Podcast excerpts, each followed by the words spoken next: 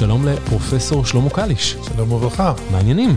ברוך השם, הכל טוב. זה קטע שגם אני וגם נבות בהפרש של שבוע במקרה פגשנו אותך, אז אה, יצא טוב שאתה ככה מגיע אלינו. ואיכשהו הצלחנו להביא אותך לפה. כן, וגם אני וגם אתה חיפאים, זה שכחת לציין. זה גם נכון. גם אני, ליד, קיבוץ יגור. אה, מה אתה אומר? אז אה, כן, אבל כמה- מתי עזבת? לפני 100 שנה. כן. למה אתה מעליב? מאה. אבל אה, שאמרת, אמרת בזה, שנפגשנו בזה לפני שבוע וחצי, תוכנית זה על תוכנית יזמות של המרכז הבינתחומי. סיפרת שהתחלת בכלל בתור מרצה באוניברסיטת תל אביב, ולא ידעתי את זה. נכון. אז מה הסיפור? הסיפור הוא שכשהייתי בחיפה, בתור teenager רציתי להיות אה, מדען ולהציל את העולם. אהה, אה, חשבתי טייס קרב. לקחו אותי לקורס טיס, לא- שלא ברצוני, מה שנקרא, הייתי שם חמש שנים וחזרתי ללמוד באוניברסיטה, עשיתי דוקטורט ב-MIT. אבל גמרת, מה זה חמש שנים? גמרת טייס. כן, כאילו, כן, כן, על מה טסת? ב- על סקייהוק. סקייהוק. אוקיי. אוקיי. במלחמת יום כיפור, אבל זה לסיפור אחר, זה לזמן אחר. הקיצר, אה, עשיתי אחרי זה דוקטורט ב-MIT, ב-MIT קצת נדבקתי בחיידק הקפיטליזם האמריקאי, אז את הדוקטורט כבר עשיתי modeling של innovation, והלכתי ללמד במנהל עסקים איך מנהלים innovations. ומה קרה שמה? מה שקרה, שחזרתי לארץ, הצטרפתי למנהל עסקים באוניברסיטת תל אביב, בית ספר רקנטי, היום החליפו את השם. אה, אז זה כבר לא רקנתי, הייתי בטוח שזה עדיין רקנתי. לא, יש אה, נדבן גדול מאנגליה אה, שנתן הרבה כסף ולקח את השם. וואלה. אוקיי, אז לימדת בבית ספר למנהל עסקים, ואז מה קרה? שם פגשתי את אה, פרופסור טאומן. יאיר. טאומן. כן, פרופסור יאיר טאומן, שהוא היום הדיקן של הבית ספר ליזמות בבינתחומי. אה, זו הייתה תקופה של אה, 85, לקראת שנות ה-90, עשינו קצת השקעות סיד ביחד. כבר בשנות ה-80? כן. במה. השקעתם? היה קצת אה, חברות של אה, זוהר זיספל התחילה אז עם. אה, רדקום. אבל מאיפה היה לכם כסף? אה, אתה עוד לא היית אז אה, מה שאתה היום. נכון, נכון, אז אה, מדובר היה על סכומים קטנים מאוד. מה, מהבית כאילו? כן? וואלה. ואז ב-94, אז, אז לימדתי יזמות שם, פתחנו את הקורס הראשון ביזמות ב, בסוף שנות ה-80. אתה יודע, הסטודנטים הישראלים הם אה, קצת חוצפנים כידוע. מהמם. אחד הסטודנטים אומר, לנו, אומר לי, אתה יודע, אתה, אם אתה כל כך חכם ואתה מלמד אותנו איך לעשות אה, סטארט-אפים, אז אה, למה אתה לא עשיר? אז אמרתי, וואו, אולי יש בזה משהו. יש, יש כאן משהו, יש איזה נקודה. ואז החלטתי אה, להקים את ג'רוזן גלובל, זה היה ב-94, קיץ 94. אה, כאשר הרעיון היה, זה לא היה עדיין קרן הון סיכון, זה היה הרעיון, אני כבר, יש המון מהנדסים חכמים שמבינים בהנדסה אבל לא מבינים בעסקים, אז כמה שנים לפני כן סגרו את פרויקט הכפיר. הלוי. ערבי. הלוי, השוק הוצף במהנדסים מהתעשייה האווירית, אחרי זה היה- העלייה הרוסית, עוד מהנדסים. לא מבינים בעסקים. ואני כאילו פרופסור גדול, מבין, הייתי באמריקה, אני מבין. איך לעשות ביזנסים אמריקאים. אז זה היה רעיון, והקמתי חברה שנקראת ג'רוזן גלובל לימיטד, שבהתחלה זה מה שהיא עסקה, היא עסקה בלעזור לסטארט-אפים, לגייס כסף, לעשות, תוכנית עסקי, לעשות תוכניות עסקיות וגם ייעוץ כללי. מי היה, מי היה הלקוח הראשון שלי? אביגדור וילנס. וואלה. נפלת טוב. הוא הגיע אליי, או שהוא נפל טוב. כן.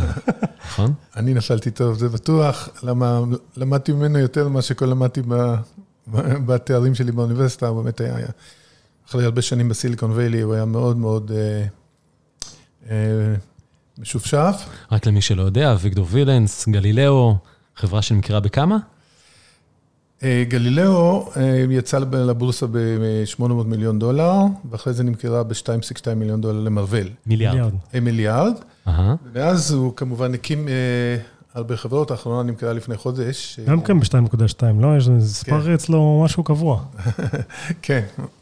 אה, לא, האחרות אה, היו פחות מוצלחות, אבל לא כאלה מספרים. אה, אז זה בעצם היה הלקוח הראשון, של- הלקוח הראשון שלי, ו... מה עשיתם? הוא בא אליך ואמר לך, שלמה, יש לי בעיה, האמת היא שהוא מצא אותי עוד לפני שפתחתי את ג'ורזון גלובל. הייתי באוניברסיטה, מישהו אמר לו שאני מומחה ליזמות, אז הוא בא אליי ואמר לי, שמע, אני מקים חברה וזה, בוא תעזור לי לכתוב תוכנית עסקית. אז כפי שאמרתי, למדתי ממנו יותר כן. מאשר ידעתי בעצמי, אבל הצלחנו, לג... למעשה, היו אז כמעט מעט מאוד קרנות בארץ, היה רק הקרנות של יוזמה, וכולם היו חסרות ביטחון, ואביגדור בא עם המון ביטחון, ואם לקוח משלם, הוא הקים את הסטארט-אפ, חברת IDT מהווה לי. אגב, זה עצה ליזמים, אם אתם יכולים לקבל לקוח עוד לפני שאתם מגייסים, זה אין טוב מזה לגיוס, תכף תראו את הסיפור. קיצר, הוא הכיר את המחירים של ה... של איזה valuations, באיזה שווי חברה מגייסים בוואלי. היה לו כבר revenues עוד לפני שהוא גייס. הוא בא למשקיעים, מאוד חזק, הוא יז... למה הוא לא היה יזם לפני כן, אבל היה לו co-founder, מישהו בשם מנואל אלבה, שהיה איתו איש מכירות ב-IDT בוואלי, חברת שיפים מהוואלי. ואז עזרתי לו לכתוב תוכנית עסקית, והתחלנו ללכת לדבר עם כל, הסט... עם כל הקרנות בארץ, זה היה קרנות יוזמה אז. הוא אמר, הוא רוצה לגייס valuation של 12 מיליון דולר לפני הכסף, שהיום אפשר לעשות את זה, אז היה בלתי נשמע. וכולם אמרו, לא, ניתן לך 2-3 מיליון דולר לפני הכסף. אז הוא אומר לי... מה הגודל הגיוס היה? כמה כסף הוא ביקש? הוא רצה 3 מיליון דולר. בקיצור, אמרתי לו, טוב, אז בואו נעשה דבר אחר. יש לי הרבה חברים, יש לי חברים שהם משקיעים בתור אנג'לים. בואו נעשה סיבוב איתם, פחות כסף, אבל זה יאפשר לך להגיע ל-milestone, ואחרי זה תגייס ביותר. אז עשינו דיל שעד היום הוא דיל שהוא מאוד מאוד נדיר, מכיוון שהוא היה בטוח שהוא יצליח מאוד. אז היה דיל שהשווי שלו ייקבע בדיעבד לפי הביצועים אחרי שנתיים. וואלה. זאת אומרת, אז השווי היה נע בין 8 מיליון ל-12 מיליון דולר. גייסנו 850 אלף דולר. מפרופסור טאומן השתתף ועוד אנג'לים. מי למשל? גילון, זוהר גילון. זוהר גילון? קבוצת גילון, מה שנקרא. אנחנו ארגנו את זה בתור... ו-the rest is history, אחרי זה נכנסו קרנות, נכנסו evergreen, נכנסו קונקורד, ויותר מאוחר lightspeed. ו... וכולם עשו בסדר. כולם עשו מצוין. אז זו הייתה הצלחה, בעצם הניסיון הראשון הייתה הצלחה מאוד מאוד גדולה. נכון. ולמה זה הוביל? למעשה זה, כפי שאמרתי, זה התחלתי עוד בכלל כשהייתי באוניברסיטה.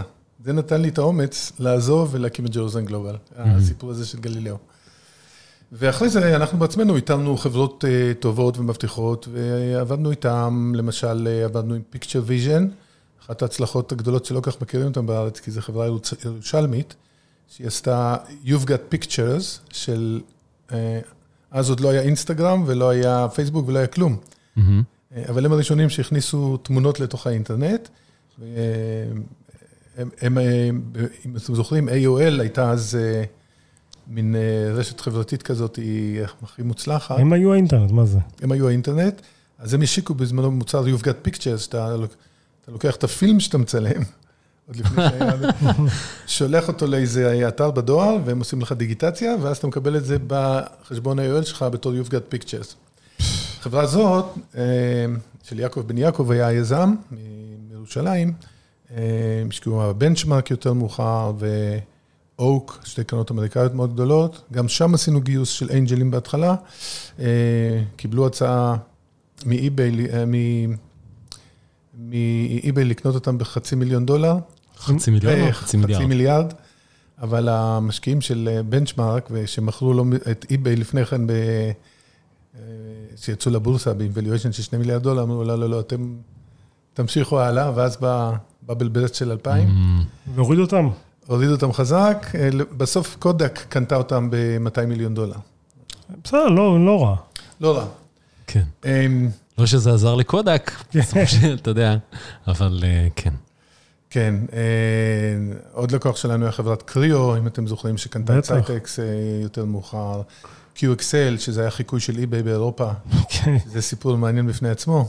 אבל רגע, אז מתי הקמת, מתי היה לך אומץ לגייס כסף למשקיעים ולאשכרה להקים קרן? מה שקרה, שהיה תקופה, קודם כל, מה היה המודל שלי? המודל שלי היה מאוד, אמרתי, תשמע, פרופסור גדול אולי אני חושב שאני, אבל אני בביזנס הזה, אם אתה רוצה לעזור לסטארט-אפים, אל תבוא בתור פרופסור, תמצא דרך לעזור, הכל היה אמריקה אז, המשקיעים היו באמריקה, החברות הגדולות היו באמריקה, לא כמו היום, שכולם פה.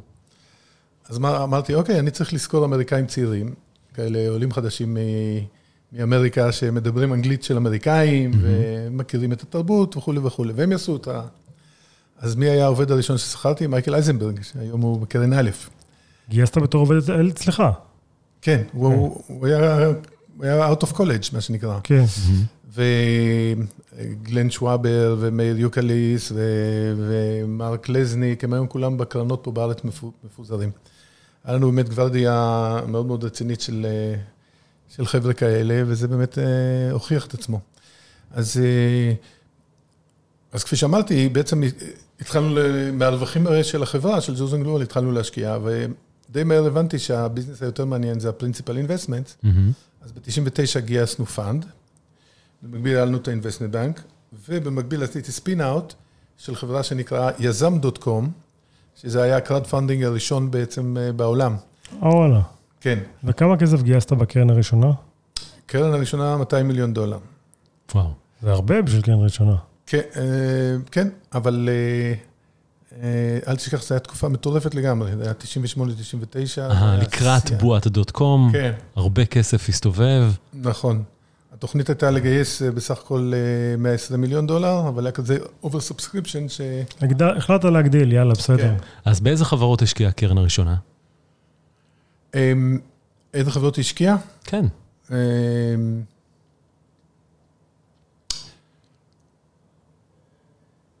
השקענו במלנוקס, החברה הכי מפורסמת.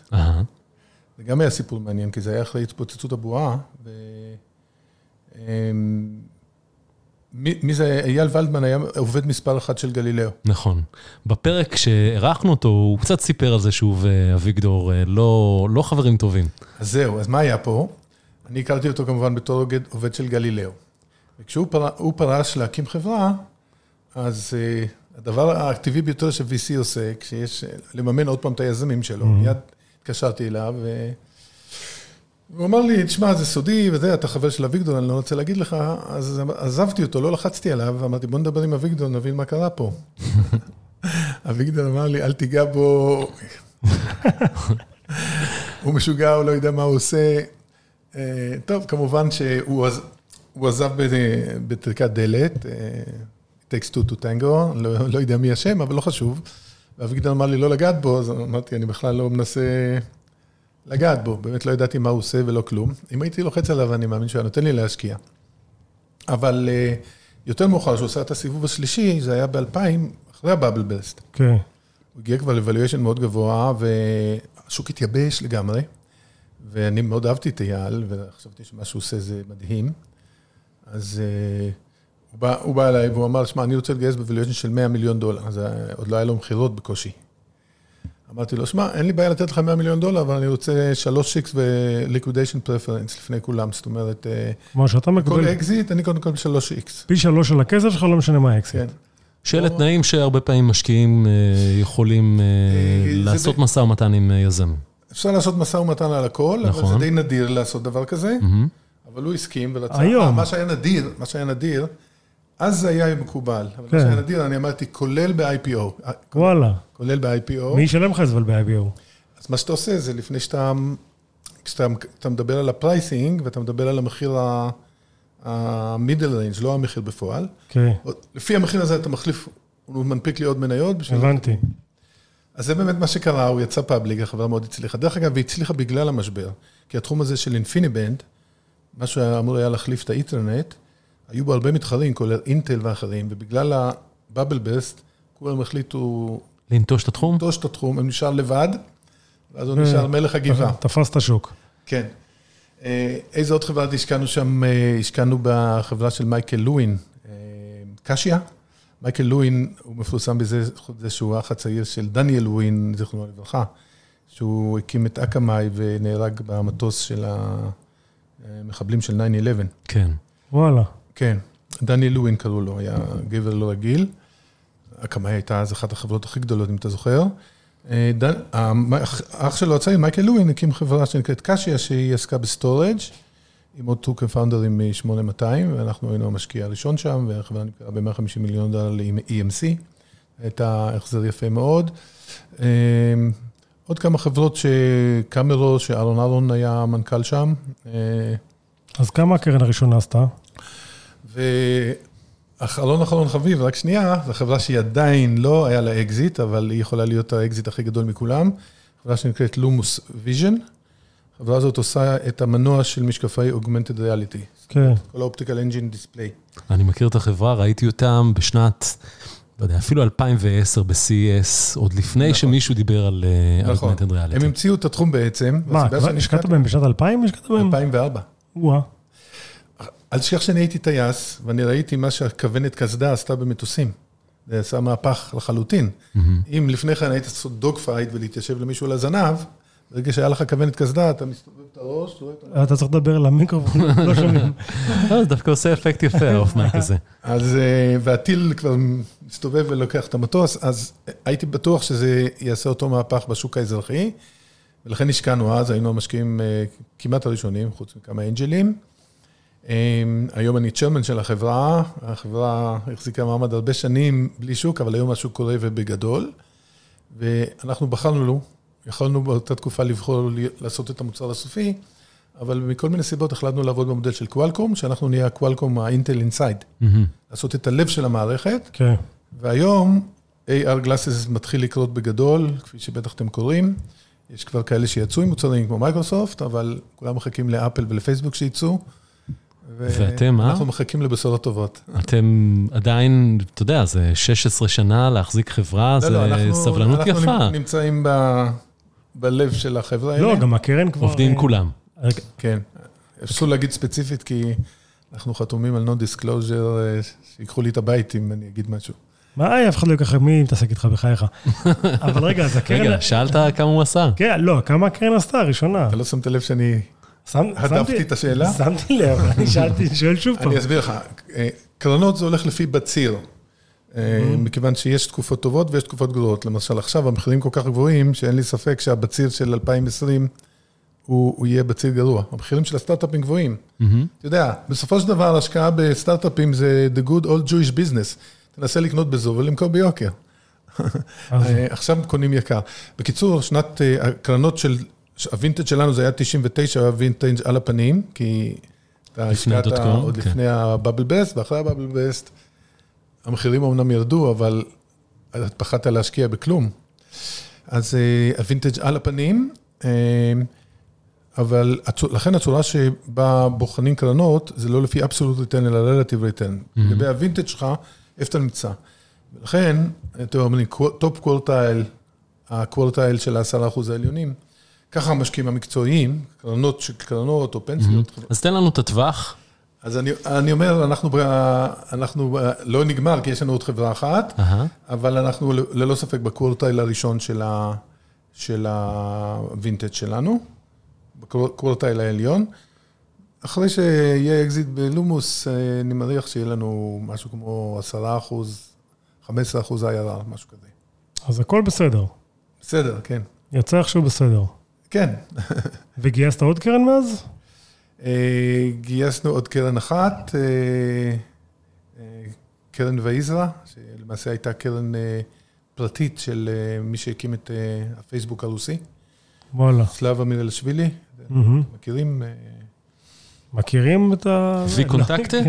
מה שנקרא? הוא הקים, כן, את וי קונטקטה, ביחד עם פאבל דורוב, אבל הוא היה בעל המניות העיקרי, ומכר את המניות שלו עוד לפני שהיה אקזיט אה, בוי קונטקטה, הוא מכר את המניות שלו לשתי קרנות רוסיות של וויל- מילנר.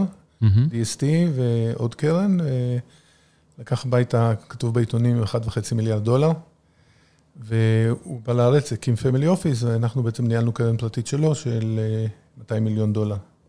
אז- אז אתה היום משקיע או שנמאס לך מהביזנס הזה? אני היום לא משקיע, אה, אני מגייס קרן חדשה, וואלה, מזל טוב. ובין לבין אה, חזרתי קצת ללמד בבינתחומי את היזמים הצעירים, כי אמרתי לכם, היה סטודנט חוצפן שאמר לי, אם אתה כל כך חכם, אז איך אתה לא עשיר? עכשיו שאני עשיר, אני יכול לבוא ומישהו ישאל אותי את זה. יש תשובה. טובה. עכשיו בוא נדבר שנייה, שלמה, אתה- אתה היום בן אדם דתי. אני כן. לא נולדת דתי, נכון? לא. מתי זה קרה? אמ, חרדי, לא... אני חבדניק. חב"ד. חב"דניק. חב"דניק זה- בדרך. כן, לא, לא, חרדים ללא ספק, אבל אה, סוג מסוים. סוג בפני עצמו. אה, היום, דרך אגב, אנחנו, יש חגיגות מאוד גדולות בחב"ד, היום ומחר, כי זה ב-70 שנה לנשיאות של הרבי. אה, עד שזה ישודר, זה יהיה 71. אה, זה לא בינתיים. אוקיי, אמ, אז אנחנו נמצאים בי' שבט אה, תש"פ. אני לא יודע מתי זה ישודר. אל תגיד את התאריך העברי, כי אז אתה הלועזי, מסגיר את התאריך הלועזי, כן. כן, אבל זה התאריך שקובע את השנה, את יום השנה. לגבי הנושא הזה. והתאריך הלא זה היום, שלישי? אה, ארבעה בפברואר, ארבעה. בפברואר. כן. אז אוקיי, אז- אז איך- אז איך נהיית חב"דניק? איך חזרתי בתשובה? אוקיי, ומתי זה קרה? אז אני אספר, זה, זה מצדיק רעיון בפני עצמו, אבל ננסה לעשות את זה בשלוש דקות. יש לך עשר. אמ, אוקיי, אני, כפי שסיפרתי לכם, הייתי בארצות הברית מסלול אקדמי, התוכנית הייתה לעשות דוקטורט, אחרי זה כמה שנים לעבוד בארצות הברית, אה, פוסט-דוק וכל זה, ואחרי זה לחזור לארץ. כמו ילד טוב ירושלים, באותה תקופה, אז רבין כינה את היהודים אה, נפולת של נמושות. נפולת של כן. נמושות. קיצור, הגיע הזמן אה, שנחזור לארץ, ואשתי שואלת אותי, מה, איך אה, נסתדר בארץ? אה, לא מרוויחים שם, לא יהיה לנו אוטו, לא יהיה לנו בית. באמריקה, כל האוניברסיטות הפרטיות זה חוזים אישיים. כן. גם, וזה גם מרכז העולם האקדמי, אתה רוצה לעשות קריירה אקדמית, כן. אז אתה צריך להיות באמריקה, אם, אתה, אה, אם, תלמיד- אם זה הדבר היחידי שמעניין אותך, עד היום זה אמריקה. נכון. לא היה לי תשובה, אמרתי לה, אני טיפוס אופטימי בטבעי, אמרתי לה, נסתדר, מה את דואגת? אבל התחלתי לחשוב על זה, אמרתי, למה אנחנו חושבים, אה, חוזרים. אה, מבחינה רגשית הרגשתי ישראלי וגם הרגשתי יהודי מבחינה רגשית, אבל מבחינה קוגניטיבית, אנחנו גדלנו בחיפה, כן. אנחנו גדלנו בחיפה. עיר הפועלים. עיר הפועלים. ולא רק כן. זה, מה, למדנו את האידיאולוגיה שהעם היהודי הוא היה פירמידה הפוכה, היה עם עקום בגלל שהיה בגולה. כל הסיבה שבאנו לארץ ישראל זה להפוך להיות עם ישר רגיל, ואז אנחנו נתערב בגויים, נהיה עם כמו כל הגויים. אה, ככה זה האידיאולוגיה שלימדו אותי בבית ספר. אה, אז באמת אמרתי, למה, לא מבין למה אנחנו חוזרים, לא היה לי תשובה טובה להגיד לה. מפאת קוצר הזמן, היה כל מיני היפותזות, אבל את כולם פסלתי, אמרתי, זה... ובכל אופן חזרנו, והדיסוננס הקוגניטיבי רק גדל. למה? כי חזרנו לארץ בקיץ 84, מה היה בקיץ 84 בארץ האינפלציה? טירוף. 200 200 אחוז אינפלציה שנתית. כן. כן. לא היה אחד שלא שאל אותנו, מה, השתג- השתגעתם? האחרון שכולם פה מדברים מי יהיה האחרון אחרון שמכבה את האור. מכבה את האור, ואתם חוזרים לארץ, אז הדיסוננס עוד, עוד גדל. ובאמת, זה מה ש... זה... בקש... גם בגיל של 33, זה ככה, יש כאלה שאומרים שיש לך משבר מידלייף. לא, גיל בגיל 33 זה... כן, מוקדם, בסדר. הקיצר, לא היה לי תשובות טובות, אה, כן התחלתי קצת לקרוא, קראתי את הספר של ליבוביץ', אה, שמונה פרקים לרמב"ם, וכך קצת פתח לי את העיניים, אבל מה שעשה כאילו את הנקודה הזה, היה שפגשתי חבר ילדות, במקרה, בחיפה, כשבאתי לבקר את ההורים שלי בשם מוטי קרפל, שהוא בעצמו חזר בתשובה. פתאום אני רואה שחור עם זקן, אומר לי, שאלתי אותו, מה קרה לך? הוא אומר, טוב, בערב נדבר. בא אליו בערב, מוציא איזה ספר, מתחיל לקרוא, אומר, כתוב שם שבמוח יש אה, שני חלקים, צד ימין זה צד החוכמה, צד שמאל זה צד הבינה, וצד החוכמה זה הרעיונות, הקריאטיבי, וצד הבינה זה הצד שלוקח את הרעיונות ומנתח אותם. אמרתי לו, עצרתי, רגע, רגע, רגע, מי זה הרב הזה? כי שנה לפני כן התפרסם בנייצ'ר מאמר, כאילו, כאילו, גדול ומשמעותי, על זה שיש נאונות במוח. אז זו הפעם הראשונה שמחקר אה, רציני דיבר כן. על זה. לפני, שנה לפני כן. שנה כן. לפני כן. הייתי בטוח, אולי זה, יש כאלה רבנים מודרניים שלוקחים חידושי המדע ומתחילים להסביר אותם בלשון התורה. מהמם. אז הוא אומר לי, לא, זה, זה, מי שכתב את מה שאנחנו לומדים עכשיו, זה הרבי מחב"ד, הקודם, לא, לא הנוכחי. זאת אומרת, זה לפני 70 שנה, אז היה. מהמם. ובכלל, אבל זה, הרעיון הזה הוא רעיון בסיסי מהקבלה. זה שעשר הספירות, אז יש שלוש שכ, שכליות, זה חוכמה, בינה ודעת, ו...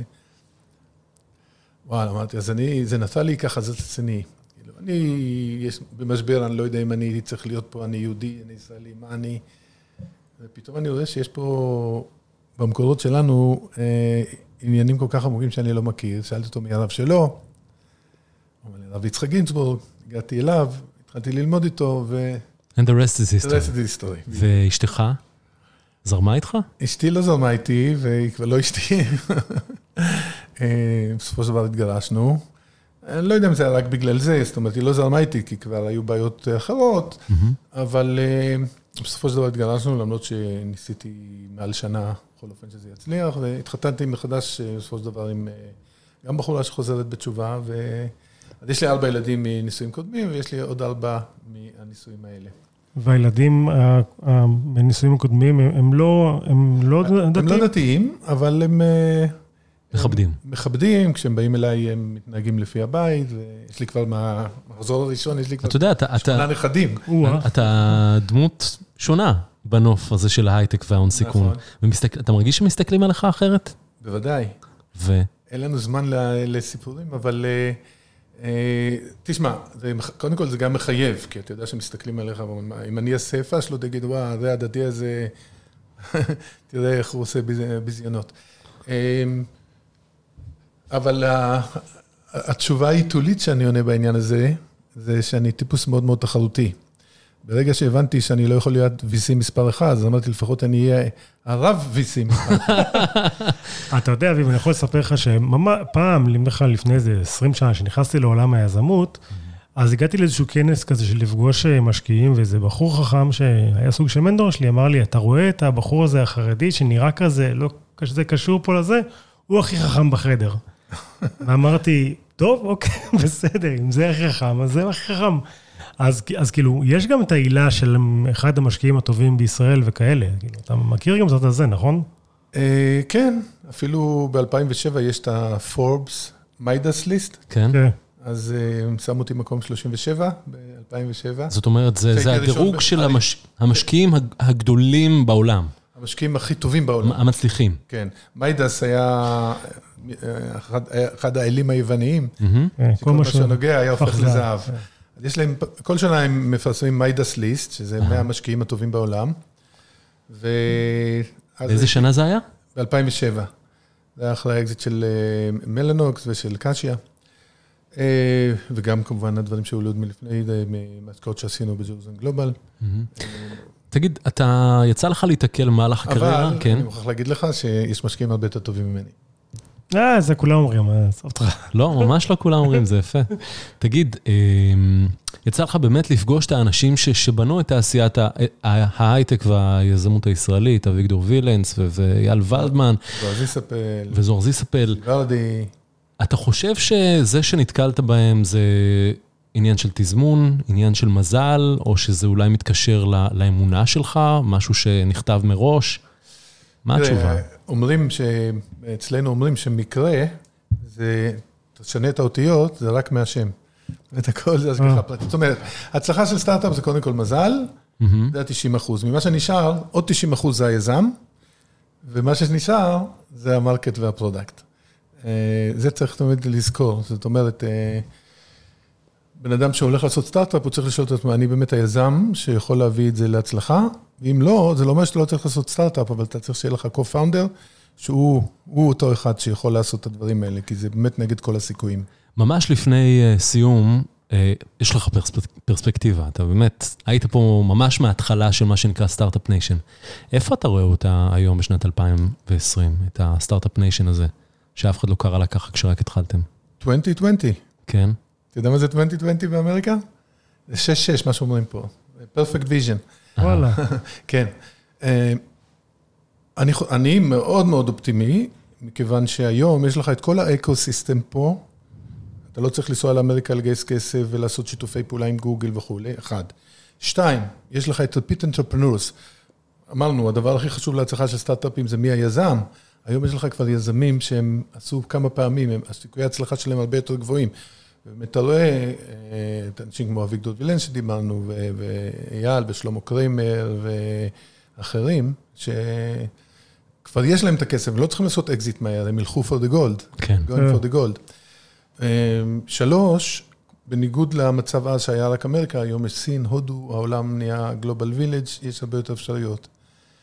המינוס היחיד שיש, שאנחנו ארץ קטנה וזורם לפה המון כסף, ואין אנשים מספיק לעבוד, אז זה מרים את המחירים של העובדים, ומייקר את הסטארט-אפים, וזה בעצם העקב אכילס שלנו. לאנשים מסוימים זה טוב, לא לכולם זה שלילי. לעובדים זה מצוין. לעובדים זה נכון? מצוין, ליזמים פחות לעובדים זה טוב. מצוין, אז זה גם למשקיעים. זה טוב, גם טוב. אביב, איזה באסה שצריך אה, לסיים את הפרק הזה, כי שלמה יש עוד כל כך הרבה מה לספר, אבל נעשה עוד פרק. כן? אתה רוצה להמליץ. על אה, פרק נבות? אוף, דיברנו פה על כל... ולדמן. כן, כל מה שהוא דיבר בפרק הזה, ת- תאזינו. זה יהיה נורא מעניין להקשיב שוב פעם לפרק עם ולדמן, כי זה היה לפני המכירה. אני יכול נכון. לספר לכם פרק שלם על כל ההשקעות שכמעט עשיתי, כלומר. Waze, היה לי טלפון חתום איתם, אה, מובילאיי, ומה קרה שם, זה מאוד אז, אה, מרתק. אז נעשה פרק על השקעות שהתפספסו. השקעות כושלות עם שלמה קליש. פרופסור אוקיי. שלמה קליש, תודה רבה לך. ועד כאן 30 דקות או פחות. יאללה ביי. ביי ביי.